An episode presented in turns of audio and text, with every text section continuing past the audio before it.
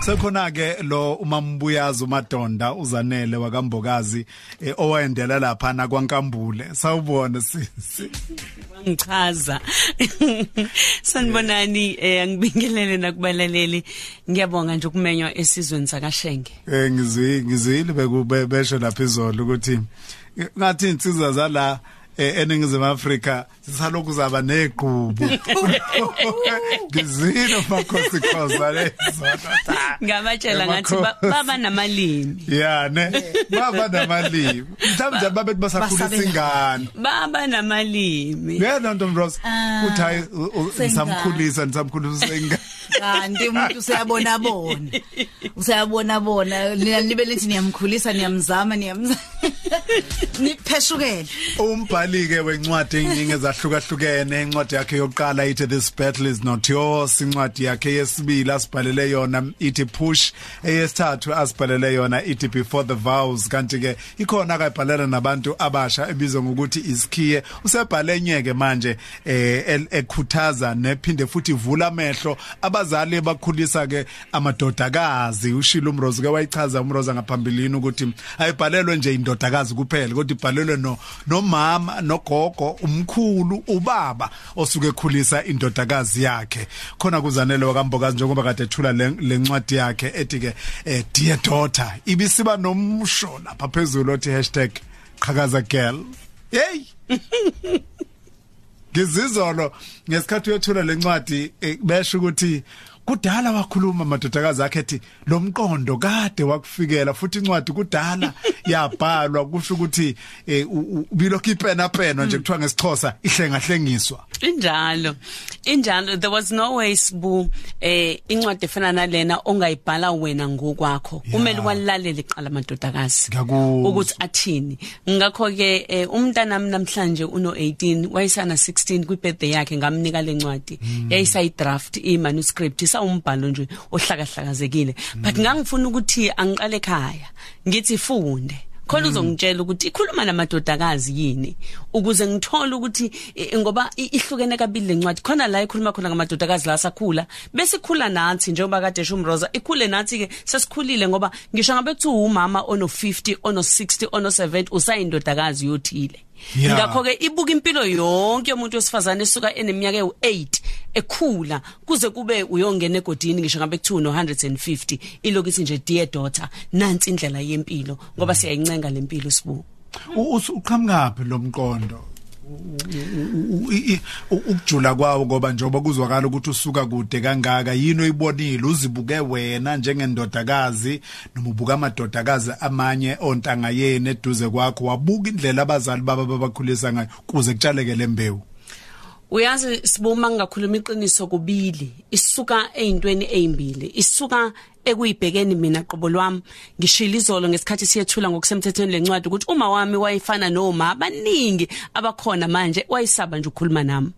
Akazange akhulume nami ngisho ngiqala ngingena ngiba intombazana eh sengiqala ukuya esikhathini wayisaba ukukhuluma nami. Wahamba ulanda omunye umama eh umama Ngcobo ukuthi akasazongitshela azokhuluma nami. Baningi abazali abanjalo namhlanje asikhulumi nezingane zethu izinto zokukhula sikhulumi ngazo izinto sicina ngokuthetha lama blessa lawa uzomitha mawenza nje kodwa singamfundi singabafundisanga abantwana bethu. So kokuqala lokho. Kwesibili sibu isuka ekutheni bakithi ngisebenza nama future leaders iminyaka ewu15 ngisebenza nabafana namantombazana kodwa ngibonile ukuthi okuningi ngeke size sikunqobe uma sithi sokhuluma nobaba esiya isikhali ukuthi kwesinye isikhathi badlale ngeingane kumbe sikhuluma ngabanye abesifazane abayibulldozer izingane zethu. Kumele empowerishe umuntu.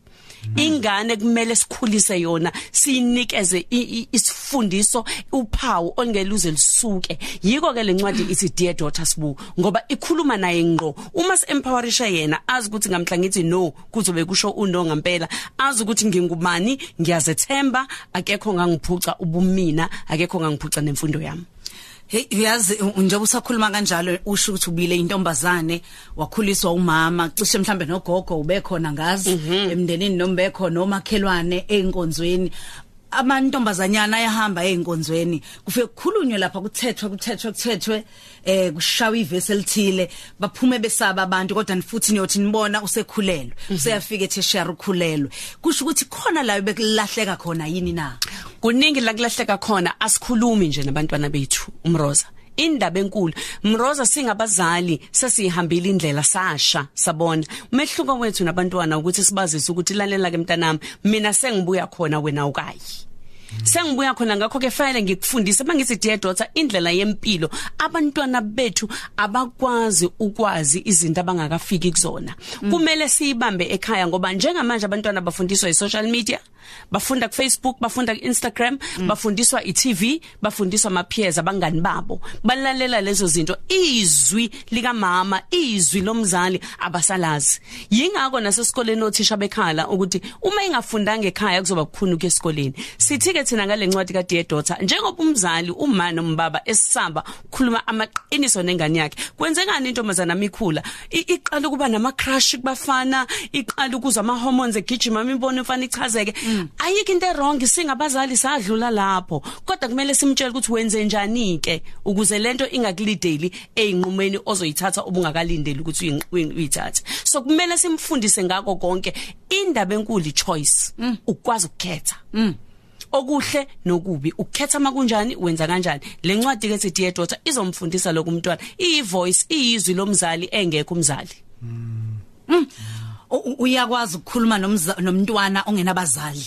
Khulumeni. othi mina ngintandane mina ngafelwa umama nobaba akukho umuntu oseduzane kwami. Iyakwazi lencwadi ukuvele ibe uma wakhe avuke ame phambi kwakhe. Iuma wakho uzolizwa lelizwi noma inini. Okwesibili imroza kuba bengizosho ngokwenkolo kuba bengisenkonzweni bengizothi u- uma kaMoses wabona ukuthi ngeke abe nomntwana wakhe yonke indawo. U- u- u- u- wathi esemanzini ngizomlukela lo basket engizomfaka khona. Ngisho ngingaqhamuka ingweya ngisho ngingaqhamukani angeke izifinyelele kumntana izoshaka basket. Ngamanye amazwe sakhela abantwana bethu basket. Bengekho besema tertiary singekho singabazali bekude nathi singababoni behlala emares kodwa sithi nangu dear daughter ithi ingane isixakekile iyodwa ihambe iyopheqa pheqa iyobheka ukuthi makunje kwenziwa kanjani misithola impendulo it's a very simple book incwadi esimple ngalendlela yokuthi umntwana athi mayithatha akwazi ukuthola lezi impendulo angakwazi ukubuza umzali ngazo. U- u- a- a- abantwana uthola ukuthi manje baza ama cider kakhulu. Injalo. U- bawabala onke shenge Ba- bawabala onke ama cider akhona uma ungawazi akubone ukuthi uyimpathanyana eh ngenxa yani yabo so- yazi social khulunyiwe media. Social ngalento page- izolo. Usasho njalo khulunyiwe ngayizolo eh ngiyamkhumbula nje uJacintha uomunye wabantu abakhulumile kabanzi ngayo ekhuluma ukuthi enye into amantombazane alesi sikhathi i- ilento yok- yokuthi anikeze umyalezo okungazi ukuthi uma ungaphuza utshwala ngathi awukho cool injalo yabona? So ngi- ngi- ngi- ngijabuliswa ukuthi uyayiveza lento kanti bayivezile. The daughters the same daughters okukhulunywa nawo ukuthi a- a- ukuthi angiphuza utshwala kusho ukuthi angikho Sikhuluma kakhulu leyo mroza la eyotshwala ukuthi budala nje kunentombazana nama drugs madala kunentombazana. Sihleli ke nozande eh, no no nozanele em, Mbokazi Nkambule okhosini FM sithi ke #dear daughter eh, obhale incwadi eza kuwena ngqo ezokulekelela njengomuntu omusha. Kanjalo futhi nawe mzali ezokwazi ukukusiza ukuthi konje kuxoxwa kanjani nomntanakho. Ithi abanye obhudi nosisi bethu esibaziyo abasebenzayo athi ngizothenga ezu100 ngizise esontweni langakithi omunye athi ngizothenga ezu50 ngizise esikoleni engangifunda kusona. Sikushayela izandla lokho siyabacela ukuthi bayithenge bathengele abantwana abangasemakhaya 2 basimeme ezikoleni nasemasontweni nakuma communities ngoba lokuqhakaza girl angeke uzuhambe uma ngabe singaphumi sifinyelele ngawo umyalezo. Ngaphandle nje kokutholela umntwana wakhe incwadi kumele lo myalezo sofikiniselisele sihlale phansi namantombazana siwakhulise. Yeah. Hey siyabonga.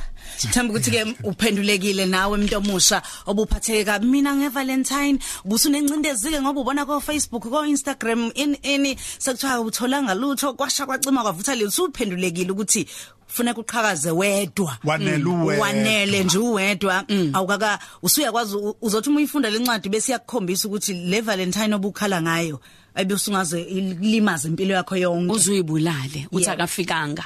Uzuyibulale qhakaza ntombazana uwedwa. Funda ukugoqa imkhono yakho ukwazi ukuzimela. Sizokufundisa step by step kule ncwadi ethi qhakaza girl Ngiyithanda i- i- ingoma eyiculwe eh, amantombazane eh, eh, ekaqhakaza girl methi noma ngabe uyezwa umlayezo ukuthi imizwa yakho ayibambeki sacela uyibambe.